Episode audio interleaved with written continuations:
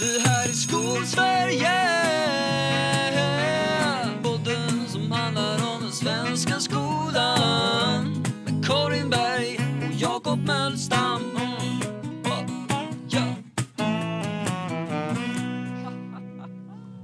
Ja, söndag eftermiddag Jakob. Det är den 28 oktober höll jag på att säga, men det är det inte alls, utan det är den 28 mars. Alltså jag blev så trött av tanken på 28 oktober. Jag vet inte om det är 28 oktober förra året och att det är så långt kvar. Eller om det är 28 oktober i höst och att det kommer att vara som det är nu. Jag vet inte, jag blir bara väldigt trött på att tänka på att det finns en månad som är oktober. Jag vet inte varför. Jag har ingenting emot den månaden egentligen. Tvärtom. Men, men just nu blev jag väldigt Ja. så här, eh, Ja, Nej, det behöver vi inte vara. Alltså 28 oktober, då är jag nyligen fyllda 46 år. Bara en sån sak. Det tycker jag vi väntar med en stund. Det känns som att man är gammal då. fyller du 46 i höst? Japp. Det tror jag. Herregud. Ja, det är Jag minns din Ja, 40-årsfest. bara en det känns som att det var typ två år sedan. Det var det inte. Men du var med. Eh, då kunde man ha kalas och så kunde man samlas och då hade vi en väldigt rolig quiz. Det tyckte jag var roligt. Det var det roligaste med den. Jag, jag minns det quizet väldigt bra faktiskt. Eh, För att jag hade, det var, ja, ja skitsamma. Jag, jag presterade jävligt dåligt, det är därför jag minns det. Men poängen var i alla fall, ja, det är den 28 mars. Eh, I Ja, coronaåret 2021. Det andra av två. Mm. Av hur många får vi se? Två hittills. Eh, så. Och Mm. livet är vad det är. Vi brukar ju släppa det avsnitten. Eh, alltså herregud. Vi har väl ingen produktionsplan egentligen. Men, men i den utsträckning vi har det så har vi inte följt den här veckan. Så det kommer när det kommer. Vi testar nya format. Det är väl liksom en, ett tecken i tiden. Runt om i Sverige just nu så är det ju par som går på Precis. påsklov. Grattis till er. Mer välförtjänt än någonsin förut. Eh, och i Mm. andra delar av landet så är det ett par skälvande dagar kvar. Eh, så. Jag satt förut i min dator och tänkte så här. Okej, jag behöver planera ungefär tre dagars undervisning. Det här är ett hinder jag kan ta mig förbi, typ. Eh, så. Det känns som att det, det är här, sista krafterna innan man går på vad som i mitt huvud kommer att vara ett helt renande, så här, allfixande av alla världens problem påsklov. Och sen kommer jag tillbaka och är en perfekt person igen. Så känns det. ja. Mitt påsklov kommer, kommer inte att vara sånt. Jag ska eh, bedöma en sjuk mängd uppsatser. Men så får det vara. Det är lugnt ändå. Det känns ändå som att det är överkomligt. Jag kommer nog jobba några dagar också, Ehm. men liksom med så här, planeringsgrejer. Men ändå. Men ändå, sen är det snart, sen är det snart student och eh, man ska ytterligare en gång ordna en coronastudent. Det ser jag, det, det känns liksom sådär, det är en märklig grej ändå, det här att, att vi går in på coronaår nummer två och det är som, förra året så var det liksom såhär, åh, ja, vi löser det! Och nu i år så är det liksom såhär, nej men aha, eh, kan vi inte, får vi inte någon draghjälp? Kan vi inte få, för nu är det ju liksom också stängt i, i samhället på ett helt annat sätt än vad det var förra året. Så att det känns ju liksom som att eh, eleverna frågar, tror ni vi kan samlas i parken innan, du vet det här med champagnefrukost och sådär. Jag tror inte att det, det tror jag inte att man kan.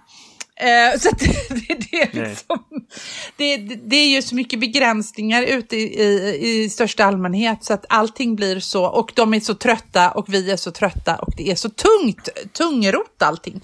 Så att på något sätt så får man verkligen, eh, man kommer att behöva eh, den här påsken till att verkligen hitta den här kraften att verkligen orka in i Ja, juni. och, och det, man Så får känns alltså det. påminna sig själv om att så här, liksom, det finns många olika sätt att vara en bra ledare och en bra lärare.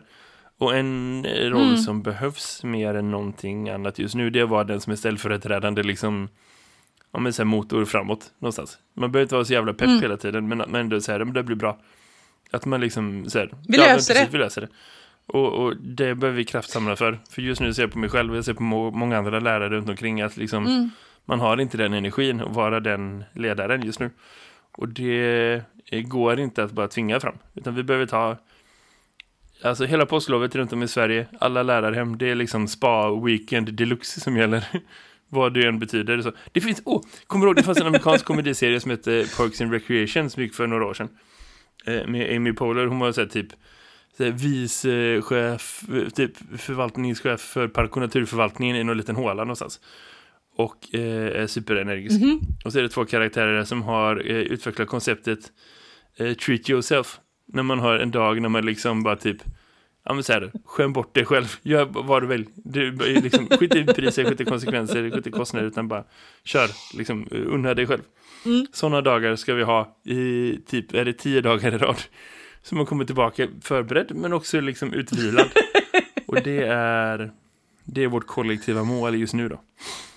Ja men så att Ja men eller hur, så att man orkar liksom ta den här, vi har ju fått flytta lite undervisning till en helt ny lokal, vilket innebär att man helt plötsligt är mattant. Och det orkar man kanske, men, men, men, jag, men jag har känt att du vet, jag måste ordna med maten och så, för dig som kanske, ja, du äter väl med dina elever, gör du inte det Jakob? I vanliga jag äter fall? varje dag i veckan med mina elever klockan 10.30. Varsågod. Ja, det, varsågod. Eh, det gör inte jag och eh, framförallt har jag inte organiserat det här med mat. Det har ju som inte legat i mina arbetsuppgifter innan. Eh, och nu så har jag då den organisationen på, på mitt liksom, samvete. Så. Och det, det har ju gjort, det har lett till att jag är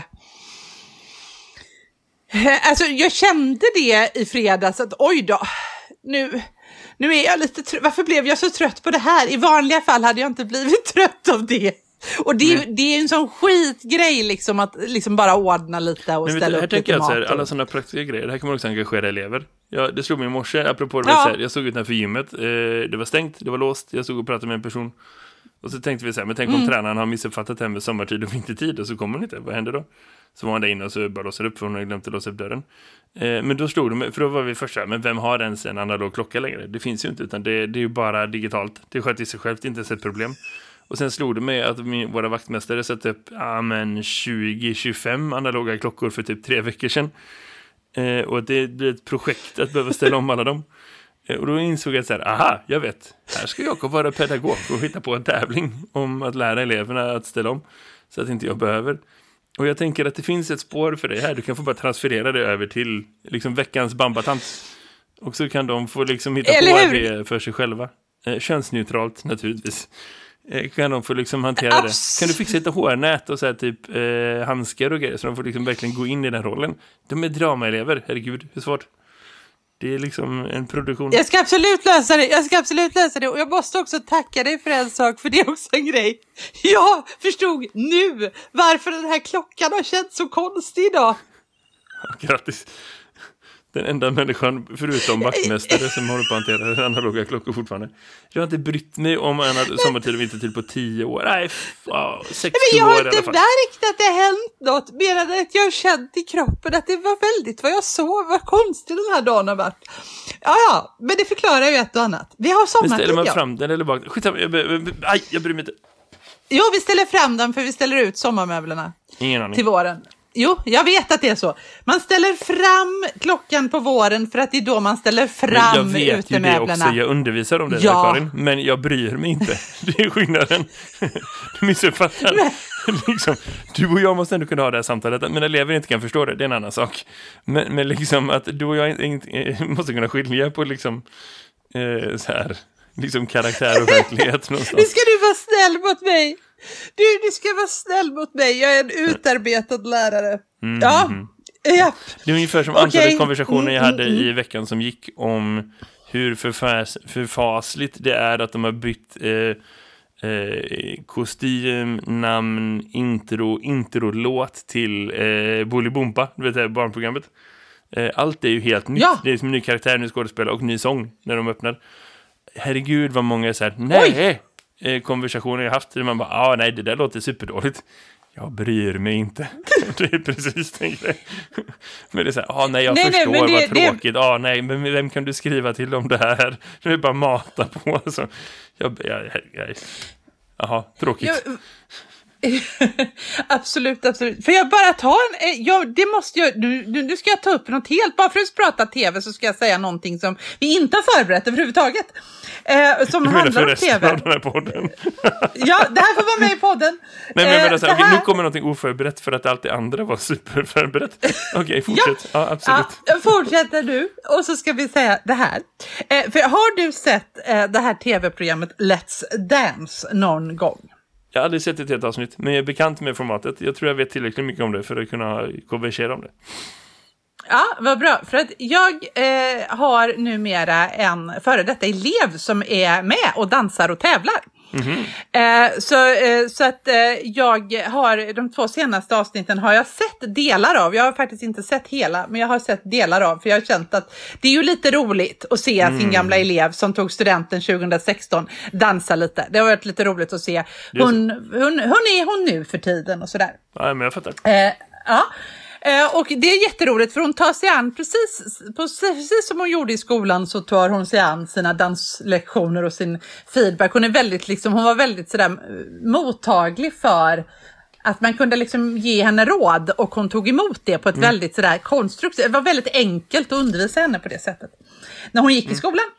Eh, men då har jag tänkt, då slog det mig så, för att i båda de här avsnitten, är, den stora grejen är att Carola, den stora sångerskan, är, är med eh, och dansar. I år. Och det är tydligen så att man har frågat henne varje år om hon inte vill vara med och att det här är en stor grej. Och hon är ju, hon är ju våran superstjärna. Om vi har en superstjärna så har vi ju Carola och sen har vi Lill Lindfors. Det är väl de två, tänker jag, som är liksom de Va? stora.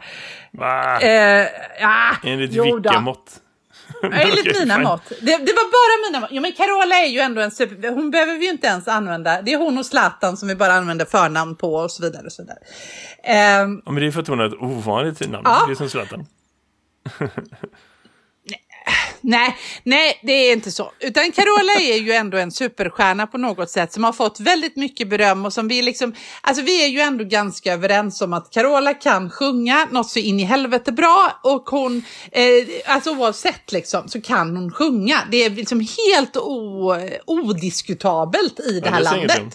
Det jag absolut inte. Men att hon skulle vara en av Sveriges två superstjärnor. Skitsamma, det var inte det som var poängen. Ja, Nej, det var inte det som var poängen. Nej, men hon är ju liksom en, en hon, är, hon är i alla åldrar, alla vet vem hon är, alla liksom sådär.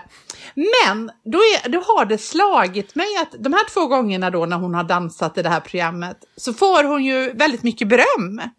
Och väldigt mycket liksom sådär eh, att hon är duktig att- på att liksom eh, att ta kameror och ta artisteri och musikalitet och förstå det här med dans och, och bägge gångerna är det som om det är på riktigt, det här är inte spelat utan det känns som att det är en chock för henne att hon är duktig. Eh, och det där har slagit mig på ett... Alltså hon har liksom inte det här som man skulle kunna tro av en firad superstjärna som ändå har varit firad i alla år. Liksom. Att hon, hon känns helt liksom inte alls som att det har bitit genom alla år att, att svenska folket tycker att hon är o, o, odiskutabelt duktig. Alltså hon är ju en av dem som man inte liksom, man har ingen åsikt. Håkan Hellström har man åsikt om han sjunger bra eller inte bra. Alltså man har ås Men Carola hon sjunger ju bra och hon gör det här bra. Hon är perfekt för det här formatet för att hon är ju duktig på att liksom göra den här typen av grejer. Hon är en perfektionist, hon är duktig på att jobba. men känns det Men inte hon som att det inte- skulle kunna vara att liksom, hon, är, hon har varit känd i Hela sitt liv. jag vill säga 35 år ungefär? Om vi hittar på. 40. Ja. Ja. Mm. säkert 40 år, skitsamma. Men poängen är hon har varit känd hur länge som helst. För eh, liksom en grej, att sjunga så. Det är det hon är Mm. super, super associerad med. Och då måste jag gå utanför sin comfort zone och göra någonting som man kanske inte är superkänd för. Det väl kanske därför hon inte har varit med i det här förut. Jag tänker inte att hon har haft fulla kalendrar i tio år, utan jag tänker att hon har nog liksom, eller hur länge det här programmet nu har gått.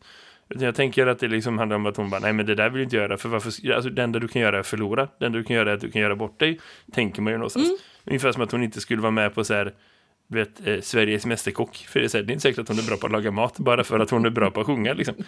Eh, så tänker jag någonstans att det kanske är den som är underförvåningen, att oj, det här flyger, det här går bra. Eh, så.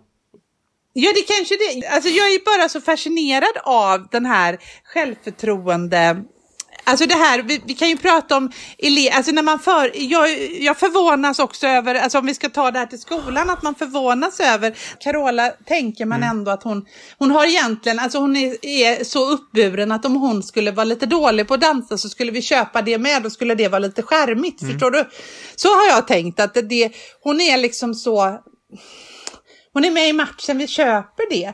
Men hon, hon är inte alls där, utan snarare är det så att det finns en skörhet och en, en osäkerhet hos henne som, som förvånar mig väldigt. Och det vet jag att jag kan möta hos vissa elever också som man upplever skriver fantastiskt bra, som har liksom en fantastisk mm, blick mm, för det som ska, som ska innehålla texter. Så säger man det så säger tycker du verkligen det? Man bara, eh, ja. Men det borde ju vara självklart för dig och man förstår att det här är inte alls spelad blygsel utan det här, är en, det här har man inte omfamnat. Och det Nej. skulle jag vilja komma åt. Jag skulle verkligen vilja bli duktig på att ge elever feedback så att de blir trygga i vad de kan. Förstår du vad jag menar då? Ja, men jag förstår precis. Och, och det finns ju någonting i det som också är så här Alltså jag säger inte att det är fake, men, men det finns ju något som är perfekt som tv liksom i det. Ja. Och det finns ju något perfekt för det, något relaterbart. Att få se någon som är bättre än de förstår, snarare än tvärtom. Att någon som är sämre ja, än de ja. förstår. För det, det är liksom ja. mänskligt jobbigt någonstans. Och att vara den som kunna få säga till folk eller få med och bara se på när de blir tillsagda. Nej men det är lugnt, du är riktigt, riktigt bra på det. Det är ju liksom... Mm. Eh, det finns ju hela tv-format som bygger på precis det konceptet. Eh, så så det, det, är väl liksom eh, en mänsklig grej. Och, och, jag förstår att man vill man fastnar vid det när man har sån ögonblick i, på jobbet också av den orsaken. Och det är som mm. du säger, det är intressant att tänka sig hur kan man ha blivit så bra utan att veta om det. För att jag menar, mm. om man inte ska köpa på det med talang för mycket, och det tror jag inte man behöver göra. Alltså talang som Nej. är liksom att det är det som avgör vad man kan. Och inte så är det uppenbarligen någon som har lärt sig saker utan att de har fattat det eller att de har blivit bra på det. Någonting utan att fatta det. Mm. Och det mm. där behöver man ju liksom, vi har pratat om det förut, ibland behöver man ha ytterligare liksom spegling på det. För mm. att man kanske är så, även om det är något du jobbar på som du liksom tycker är kul eller som du ansträngt dig för och som du sliter på så ser man inte alltid de resultaten själv förrän du får det liksom återkopplat från någon annan som kan mer mm. om det området och som vet så här, men shit nu ser det svinbra ut. Eller nu mm. kan du den här texten, det här blir riktigt, riktigt, riktigt bra. För, och det kan man inte avgöra för du har inte de referensramarna, du har inte de, den känslan för kvalitet så att du kan liksom identifiera att det är bra eller vad det är som, gör det, som är särskilt, särskilt bra och, och vad det är som gör att det blir på det sättet. Så, så det där mm. är ju mm. verkligen någonting som är en del av av uppdraget och som man liksom får eh, slita med att bli bra på. Och jag tänker också att det är viktigt att man gör det Alltså att man lär sig att plocka fram det hos många personer. Jag tror inte att man behöver göra det med alla elever, för jag tror inte att man kan. Ja. Men, men liksom så här att man, att man, ibland blir du genuint imponerad av någons förmåga. Det tror jag liksom oavsett vilken ålder, vilket ämne, så blir man ju liksom ändå så här, oj, imponerade. Ja. Och, så, och då är det enkelt att ta fram det och feedbacka det.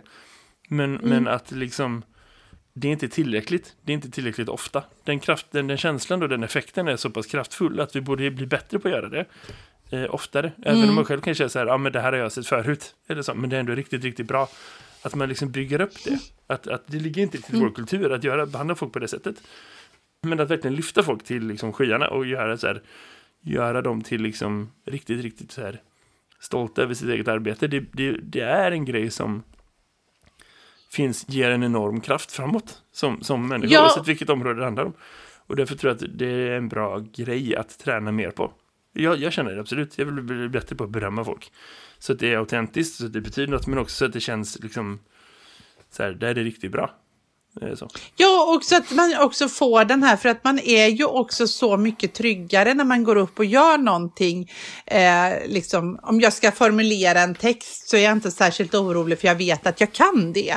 Eh, är du med? Och då har jag mm. också mycket lättare när någon påpekar att säga att, men hörru du, det där blev ju lite tokigt. Då kan jag säga ja, och så kan jag ta det. Alternativt säga nej, fast jag ville att det skulle stå så. är du med? Mm, Alltså man, att man äger den eh, kunskapen medan sen finns ju andra saker som jag har fått lära mig att jag är duktig på men som jag inte har sett som har tagit mycket längre tid. Eh, och där, men just den här speglingen och att vara den där spegeln. För det på ett sätt gör det lite sådär, jag kan tycka att det är lite sorgligt om vi går tillbaka till Carola innan vi lämnar hela den, att, att hon inte när hon är närmare, vadå, hon är väl 55 år idag eller någonting sånt där, att hon inte liksom har omfamnat sin artistiska liksom kapacitet som hon ändå besitter någonstans. Och att hon är, det är nästan, finns någonting i det som någon, någon hade behövt, alla har tagit det för självklart så ingen har sagt det till henne, så känner jag nästan. Och det där är ju lite märkligt på något sätt. Alltså det, det kan vara så, det kan också vara eh, att du drar det alldeles för långt. För jag, jag, jag tänker Ja! någonstans att är det någonting som du säger att folk är helt överens om så är det att hon är svingrym på det hon gör. Det kanske är så här, det, men det är så här igen, det är ett nytt område och det var hon också bra på, det kanske inte hon trodde typ. Nej, nej, jag vet. Men jag bara tycker det var märkligt. Men det, Men det är något coolt med någon som är så, liksom, kan vara så i ett ögonblick, att man kan visa Ja. det och dela det på ett sätt så att det snappas upp, Mm. tror jag. Eh, Så. För det genererar konversationer och så. Det kanske är det viktigaste Mm. bidraget som Let's Dance någonsin haft för, för liksom Sverige som nation på något sätt. Ja, Säger eller han som inte har sett ett Sen- enda avsnitt och som inte bryr sig om programmet. Det kanske är jätteviktigt och jättebra, vad vet jag. Men jag bara tänker att Ja, det, det är en parentes i, i den mänskliga existensen. Förutom att de är tydligen bra då på att... Det, det är så här, den som man egentligen ska hylla i det är ju någon sorts bildproducent som är inblandad i det där. Som kan identifiera sig. Här finns det någonting som liksom är värt att, att liksom låta brodera ut någonstans. Eller hur, eller hur, eller hur. Jo, men absolut, absolut.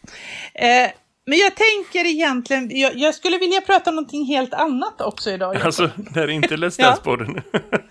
Det här är inte Let's Dance-podden. Eh, jag, jag skulle vilja hoppa till något helt annat ämne. Japp. Eh, som handlar om Unesco. Sverige, jag skickade ju en grej till dig förut i veckan. Mm. Eh, eh, Unesco som är ju FNs organ, eller hur? Japp. Eh, För kultur som- och utbildning och så. Ja, precis. Ja, precis. Kulturutbildning och hela den biten. Och de, de, de har gjort nu en undersökning om eh, vad skol, alltså som är världsomspännande. Eh, och där pratar de om, alltså det är en ganska, vi, pratar, vi har ju pratat om flera gånger här i podden om att, att i, i Sverige och på det lokala planet så ser vi eh, att ehm, att eleverna mår dåligt. Det kom en BRIS-rapport att svenska elever mår otroligt dåligt och far väldigt, väldigt illa av den här distansundervisningen eller den här pandemin och distansundervisning men också liksom oron i samhället och att föräldrar blir arbetslösa och så vidare. Och så vidare, och så vidare. Eh, och vi ser också det liksom, i gymnasieskolan kom den larmrapporten de faktiska eh, skolavhoppen, de som vi faktiskt räknar. Sen vet vi att mörkertalet är jättestort för vi har massa elever som fortfarande är inskrivna men som inte går i skolan på riktigt. Liksom. Eh, att den, den siffran av faktiska avhopp har ökat i, med 20 procent, vilket är jätte, jätte, jättemycket. Eh, och sådär. Eh, eller om det var 25 procent, ah, skitsamma. Eh, men Unesco har nu då tittat världen över hur de här skolstängningarna och eh, pandemin, vad det har orsakat när det kommer till eh, framgångar. Och då ska jag läsa bara kort att skolstängningarna orsakade av pandemin har raderar framgångar som har gjorts inom läskunnighet de senaste 20 åren. Det raderar framgångar som gjorts inom läskunnighet de senaste 20 åren, ett år av skolstängningar. Ytterligare 100 miljoner barn lärde sig inte läsa 2020. En ökning på 20 procent från det förväntade antalet. Så 20 procent färre barn lärde sig läsa förra året. Det är inte riktigt så siffrorna funkar, va? men, men det är... tror jag inte. Jag, jag fattar. Men okej, så vad de säger att det skulle varit typ Vadå? Eh, Okej, så det, det är liksom fler än vad man räknar med som inte lär sig. För att de, det är så många barn som brukar lära sig varje år. Och så är det alltid Ja. några som faller undan för att de inte går i skolan. Och det blir liksom fler. Jag förstår precis den grejen. Eh, och, och, och de kämpar ju med att hitta siffror som visar liksom vad är det som är vad i det. Eh, Ja. så, och, och, och för att man måste förstå att det här det är liksom på randen till att bli en, en, en katastrof som kommer ta lång, lång, lång tid att återhämta sig. För så funkar det med utbildning och så. Av de Mm. liksom eh, i- extra miljonerna barn som inte har lärt sig läsa 2020 så kommer många av dem lära sig läsa 2021 och man kommer kunna hämta in det med liksom utbildning som får kosta.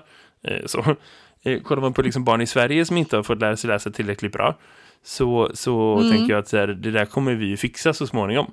Eh, Så, så, så är det inte i alla delar av världen, det förstår jag mycket väl. Eh, Jag tänker att det finns många saker i det där som man måste hitta, liksom, vad är det egentligen som är bakom siffrorna? För att komma åt sig, Mm. vad är den känslan de vill liksom förmedla och vad är budskapet de vill förmedla? Och det handlar ju om att vi kan Mm. inte ha liksom ett år av ingen skola eller låtsasskola och, och tro att det inte kommer kosta liksom. För att det är ingen som planerar för det. Det är ingen som tar höjd extra för det. Jag lyssnade på lö- Ekots lördagsintervju igår, för det var lördagsintervjun, med hon som är chef på Salgrenska sjukhuset som är Sveriges största sjukhus om man kollar på liksom antal anställda. Eh, så, som pratar om liksom vad man Mm. lärt sig om, om eh, covid och vad man lärt sig det senaste året och liksom hur kommer det ta och komma ifatt och så.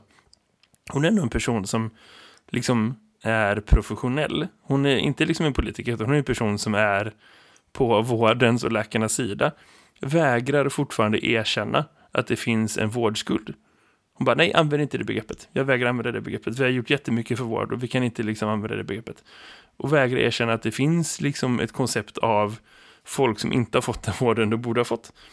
Och då är ändå vården, även om det är en extremt viktig liksom, funktion, någonting som man kan bli färdig med. Man kan ha så här, de här patienterna är färdig, färdigbehandlade, det är klart. Tack så mycket, gå hem. Den här liksom, axeln Ja. du skulle operera, den kan operera året efter, man kan mäta det och förstå hur det funkar. Det är massiva liksom, efter, underskott av, av liksom, vård som borde ha genomförts. Tiotusentals operationer som inte har genomförts Mm. det senaste året.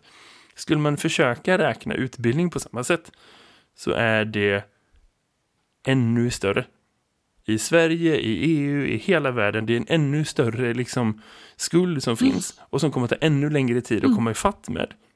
Och det finns inte inom våra organisationer, bland våra makthavare, inte ens bland våra chefer. Liksom en förståelse för att det här kommer inte vara över när folk är vaccinerade. Det här kommer inte vara över när, när liksom folk kan komma tillbaka till den fysiska byggnaden. Folk firade liksom, hurra, gymnasieskolan får komma tillbaka. Ja, okej. Det är liksom ett bra första steg. Men, men mm, det är långt ifrån liksom, den sista insatsen som kommer behövas för att hantera liksom någonting någonstans överhuvudtaget. Eh, så. Det är fortfarande Eh, i- 163 miljoner, 164 nästan personer som påverkas av liksom eh, totala nedstängningar av skolsystemet eller delvisa nedstängningar av skolsystemen i världen. Liksom 164 miljoner elever. Den siffran låg för ett år sedan, nej okej, ett och ett halvt år sedan på typ 60 miljoner. Mm. Eh, Så det är liksom mer än 100 miljoner elever fortfarande som inte går i skolan eh, regelbundet. Som eh, gjorde det för eh, liksom ett år sedan. Även om vi bara tar bam, boom, nu får alla de komma tillbaka för nu är det bra. kommer ta jättelång tid. Kommer kosta hur mycket pengar som helst. Och vi kommer behöva kämpa för de pengarna och för de resurserna för att det finns inget intresse av att liksom avsätta resurser på det sättet. Folk har en Nej. jättestor vilja att gå vidare.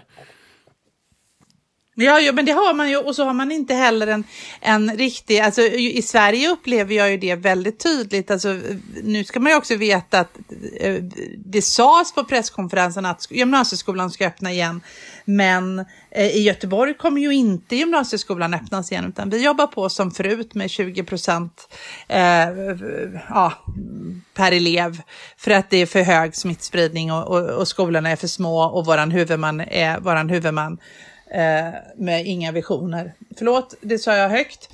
Eh, och sådär. Eh, men men eh, eh, så, så, så är det ju där. Så att det, det är ju inte heller det. Men det är också det här att, att det, det är ju ett så vagt begrepp, en skadad axel. Om du har 50 skadade axlar och sen har du jobbat bort dem så är de ju borta borta liksom. Det är ju någonting annat med kunskap och utbildning och läskunnighet och men det, det, det är liksom eh, det här när du förlorar ett skolår och du lär dig läsa ett år senare, det innebär ju någonting ändå i antal lästa böcker, i antal. Det gäller ju att du verkligen hinner, liksom klarar av det finns någonting i det där som, som, som är betydligt mycket större. Eh, när, när, när massa elever dessutom ramlar ur skolutbildningen, alltså vi, vi, i de här siffrorna, vad jag förstod, Eh, så, eh, så är det ju också så att, att man har inte räknat väl, eller förstod du det? Att, alltså, har man då haft en, en Zoom-skola eller någon slags digital skola, då har den räknats ändå som en skola. Är det inte Nej, så? alltså, det man har gjort är I man de har här siffrorna, liksom, man har bara ja, räknat. De har en statistisk modell när man räknar på det som är att man har räknat liksom kontakt med sin lärare så. När, när träffar jag min lärare? När har jag liksom Mm. fysiska eh, kontakter med min lärare? För att det är det som man behöver Mm. liksom för att eh, lära sig så.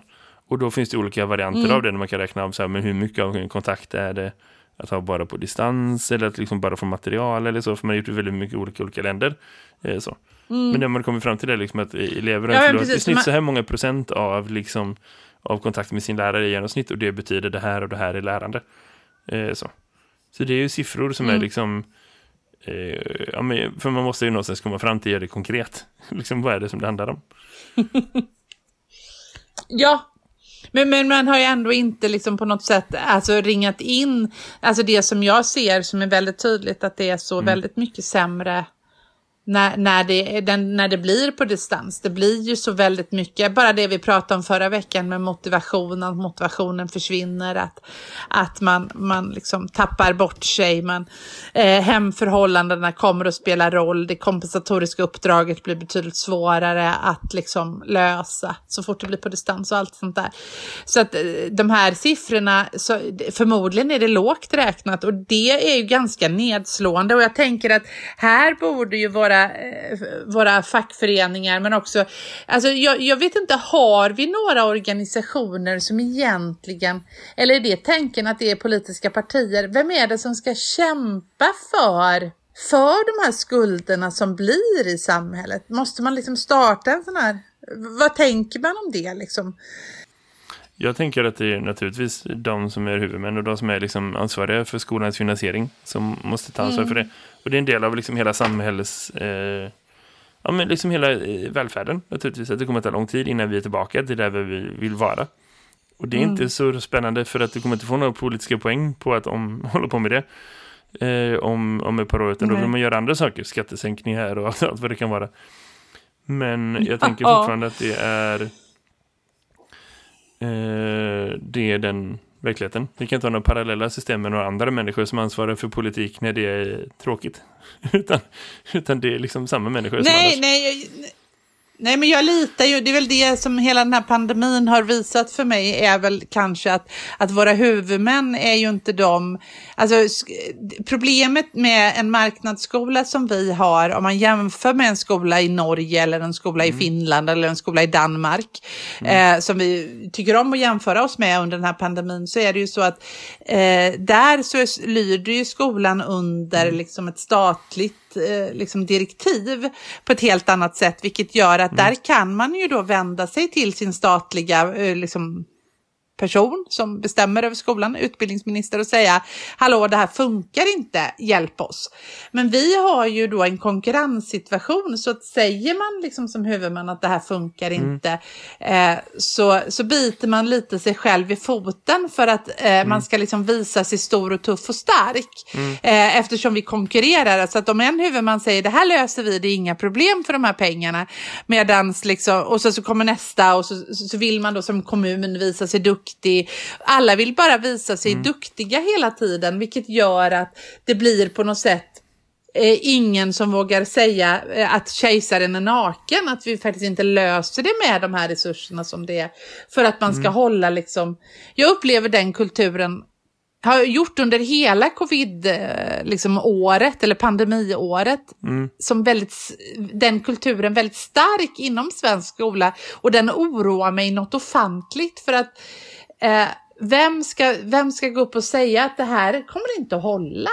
Eh, d- alltså den här skolmiljarden som då rann ner till vad då 100 000 kanske till min skola. Det är liksom inte ens en, en lön till en extra lärare.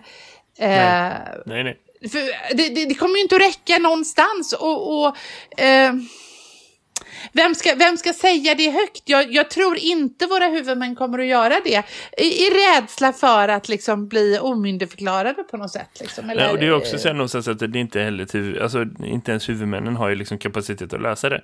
Kolla på vad det kostar att bygga Nej. upp liksom hela länder efter, efter kriget. Det var ju inte liksom så här Borlänge kommun som löste den pucken så. eh, inte inget ont mot Borlänge men liksom, de här, det, det kommer inte vara 290 olika aktörer i Sverige plus massa fristående företag som ska koka upp det själv.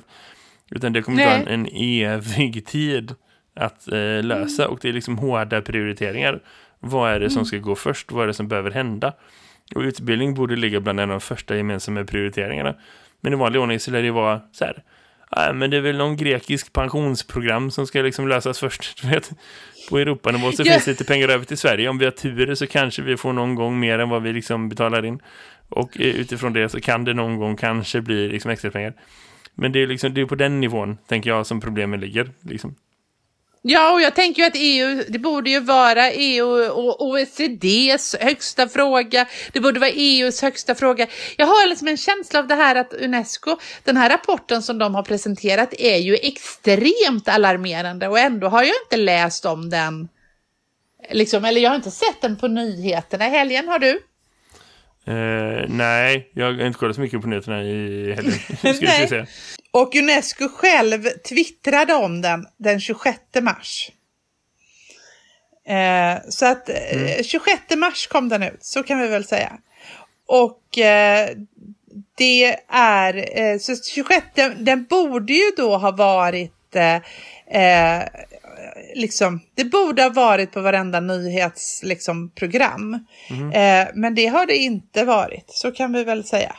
Eh, och eh, ja, om vi bara ska gå via Twitter så är det så att den pu- publicerades då den 26 mars och har hittills nått 25 retweets. Det är väl tämligen ganska lite. Så att vi är inte så intresserade av sådana frågor. Nej, nej, nej, precis. Det kanske, det kanske, det, det här är inte material som blir viralt eller hur? på Eh, det men- sättet.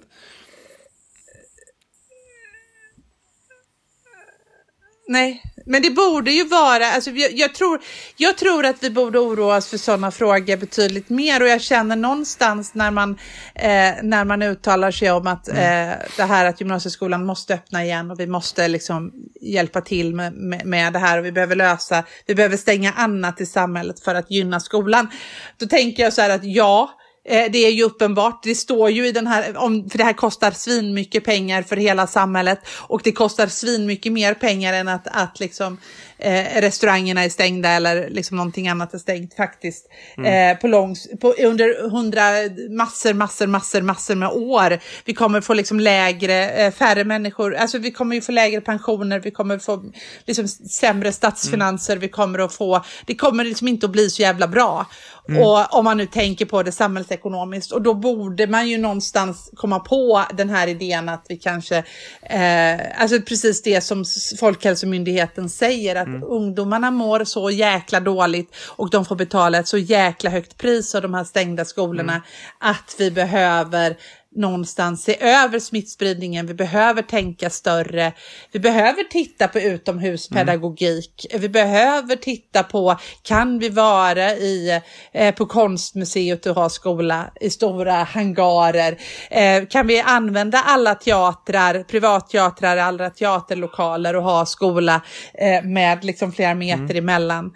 Eh, istället, alla de här idéerna eh, har vi provat dem verkligen?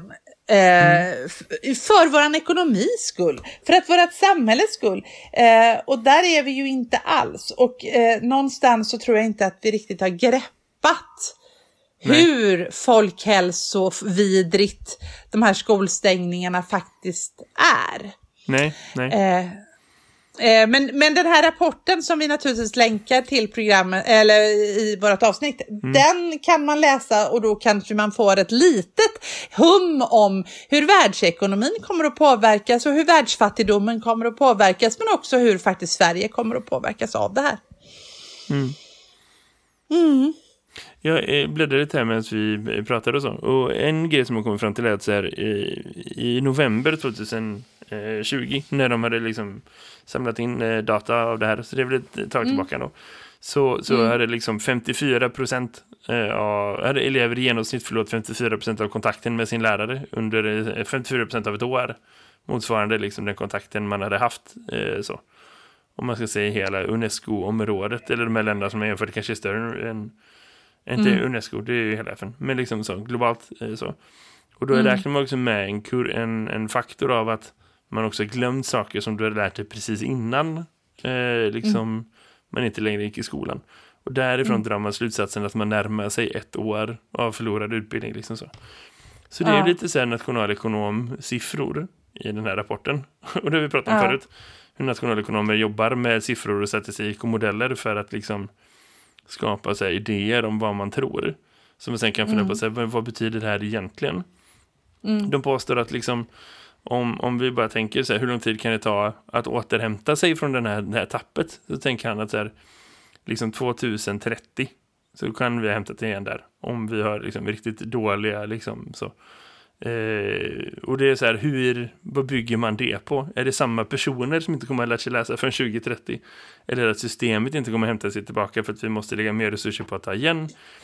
Jättesvårt att förstå. Alltså det, det är lite så här, det jag tar med mig från den här rapporten ur ett lärarperspektiv och inte ett nationalekonomiskt perspektiv det är påminnelsen att just det, det här kommer att ta tid. Det här kommer att ta tid. Och liksom, är det någonting vi inte alltid är så himla bra på så är det att ha förståelse för att saker tar tid. Eh, Så man måste påminna sig själv om att liksom, ja men du vet så här, lärare, det går snabbt. Liksom så. Hur många elever kommer liksom bli bemötta med den liksom förståelsen som de behöver bli bemötta med om tre år, om fyra år? Hur många lärare kommer klaga över att oh, men dagens unga de kan inte läsa, de kan ju ingenting, har de gjort i skolan? Hur många politiker kommer vara så här, ja ah, vi måste ändra läroplanen, vi måste ha en garanti för vet, att det, om, om, om fyra, fem år för att då kommer man se konsekvenserna av det här någon annanstans. Och så att man ser konsekvenserna av att liksom förskolebarn inte fick liksom gå i språklekar till att liksom till att liksom lågstadiebarn inte nådde upp till målen i årskurs tre, till liksom att, att äldre elever inte kan, vet, liksom en bana Ah. som det känns som att vi ändå har varit på väg åt kulturellt. Där man liksom hela tiden gnäller om att men de kan sämre, mindre och mindre och sämre och sämre och dagens unga. Det är viktigt att vi i 10-15 år tid fram- framför oss, men ändå påminner oss själva att just det, det här med corona var en del av det. Eh, så. Det bygger inte på dålig karaktär, det bygger inte på dålig uppfostran, det är inte säkert att utbildningssystemet är dåligt.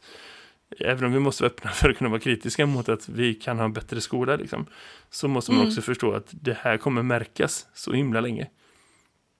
Eh, Så och det kanske blir någonting bra då. Det kanske blir att vi bara söker, men vi, vi slutar liksom kasta skit. Vi slutar polarisera och så gör vi det bästa av det vi kan istället.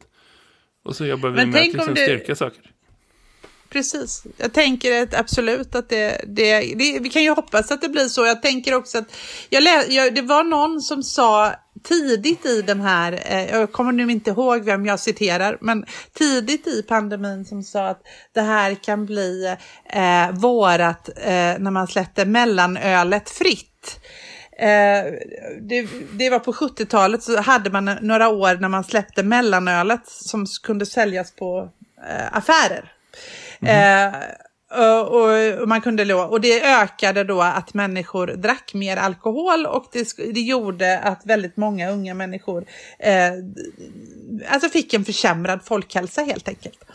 Eh, för att man kunde köpa alkohol på ett mer lättillgängligt sätt och folkhälsan gick liksom bland de unga ner. Och det, kom, det tog väldigt många år att återhämta det. Det blev liksom en, en, en, eh, ja, en folkhälsokris helt enkelt som gjorde att man drog tillbaka det beslutet efter ett par år igen.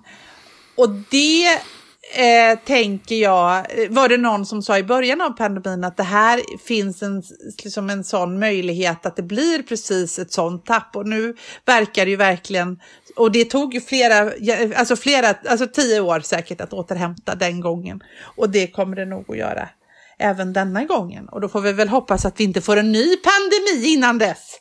Eller hur, Jakob? Eller att vi kan lära oss att göra bra skola som är liksom eh, pandemisäker och som liksom klarar av eh, Ja. fler framtida liksom så, utan att man behöver förlora så himla mycket. Det var igen, jag kan varmt rekommendera den här intervjun med hon chefen, jag kommer inte ihåg vad hon heter, på eh, Sahlgrenska, kopplat till liksom ja, men så här, stora organisationers beredskap och sätt att hantera liksom pandemier och vad det är man behöver ta igen och så. Hon pratar om allt från, och det, det förstår jag är en grej inom vårdpersonal som absolut inte går att översätta till skolan, men som jag tror säger något om människor också. Så. För där finns det liksom en så här, okej men vi kommer behöva ge folk extra semester efter det här. Eh, så fort vi kan. Eh, och att det är prioriterat också. Men att vi måste också ta igen alltså, de här uteblivna vårdinsatserna som tydligen inte är en vårdskuld, fast att det är precis vad det är. Till att liksom hur man kan vara förberedd för saker som man inte är förberedd på. eller så. Hur man kan hantera det olika bra och, och hur vi kan bygga ett samhälle som är inte onödigt dyrt men som ändå är liksom bra förberedda på att kunna ta hand om grejer. Eh, så. Det är rimligt att vi efter det här fortfarande har en skolorganisation som på ett bra sätt kan hantera eh, undervisning på plats som också är smittsäker. Vad det än betyder. Gud ja. Om väldigt mer kommer att ha 30 personer inknädda i ett sånt litet rum igen, okej. Men det var inte en stor förlust. Det, eller hur, eller hur, eller hur. Ja, spännande. Jag eh, sa innan till dig idag, Jakob, att vi ska inte prata så mycket om corona, men det är det enda vi gör ändå. För det finns ju det där, herregud. Det Ja. hade varit jättekonstigt att prata om något annat. Vi, okej, en Eller- varsin grej till som, på slutet för en dag, som inte handlar om corona. Ja. Vad har du på det? Vad har jag på vad som inte handlar om eh, eh, corona? Jo, eller jag vet inte om jag... Eh, eh börjar du? Mm. Eh, eh, det hade jag kunnat tänka på själv. Eftersom jag, jo, men jag vet. En sekund. Här. Boktips, boktips, boktips. Det är inte jag som brukar stå Ja. för boktips. så Det blev en liten mini-jingel, eh, talad spoken word. Jag läser Ja. just nu eh, Kazuo Ishigurus nya bok. Har du sett den? Nej, men jag har ju läst eh, andra böcker av Precis, precis. honom. Han har skrivit en Ja. bok som heter eh, Klara och solen. Dyker in här i, i Zoom-bild. Det spelar ingen roll för våra poddlyssnare så det kan lika gärna sluta med. Som är superintressant eh, i skärningspunkt av så här, teknik och mänsklighet och normer och samhälle och så. Eh, som är en framtidsskildring men liksom inte så här superlångt in i framtiden. Där människor, framförallt unga människor, inte, ja men kanske barn men typ också lite äldre, så här, unga tonåringar kanske, skaffar sig artificiella kompisar. Eh, så. Där det här är liksom en sån, det är det som är den här berättaren. Eh, så. Det är en artificiell kompis som det börjar i, i en affär. Eh, där hon står och beskriver och väntar på att liksom bli matchad med någon. Eh, så. Super, super intressant. Så. Vet, har du läst den här eh, Never Let Me Go? Eh, som han skrev? Absolut. Ja, Absolut. Jag läser den just nu med mina elever faktiskt. Ja, grymt. Det här är lite, man kan säga att det är lite, utan jag vill inte spoila för mycket, men eh, den tangerar lite samma men ändå annorlunda. Så. Jätte, jättefin beskrivning, men också så här, lite så här, vad är det för samhälle och liksom, är det här bra? Och liksom vad, du vet, gråzonen av typ, liksom, hur samhällen formar om normer som så här, är det här rätt? Typ. Att man hela liksom, underklasser av av teknik som, som någon sorts, ändå är individer, men som är liksom prylar som tjänar oss och som liksom, ja, men som folk är okej med och som man liksom behandlar på ett sätt som man blir sådär, jaha, är det här bra? Typ. Och, och liksom sådana processer som pågår sakta, sakta, sakta hela tiden runt omkring oss. Eh, Det mest extrema sånt som pågår just nu, som inte alls pågår särskilt sakta, det är väl liksom funderingen så här, hur mycket videomöten klarar en människa typ? Eller liksom, vad kan man ersätta med? Men, men liksom Ja. det saker och ting går längre fram långsamt hela tiden runt omkring oss, som ändå är så här, ett mänskligt och liksom filosofiskt perspektiv på teknikutveckling istället för att prata om teknik typ. Jätte, jätteintressant. Och han skriver, hans språk är ju liksom, man blir galen eh, av, av liksom hur simpelt men ändå rikt det är. Liksom, så.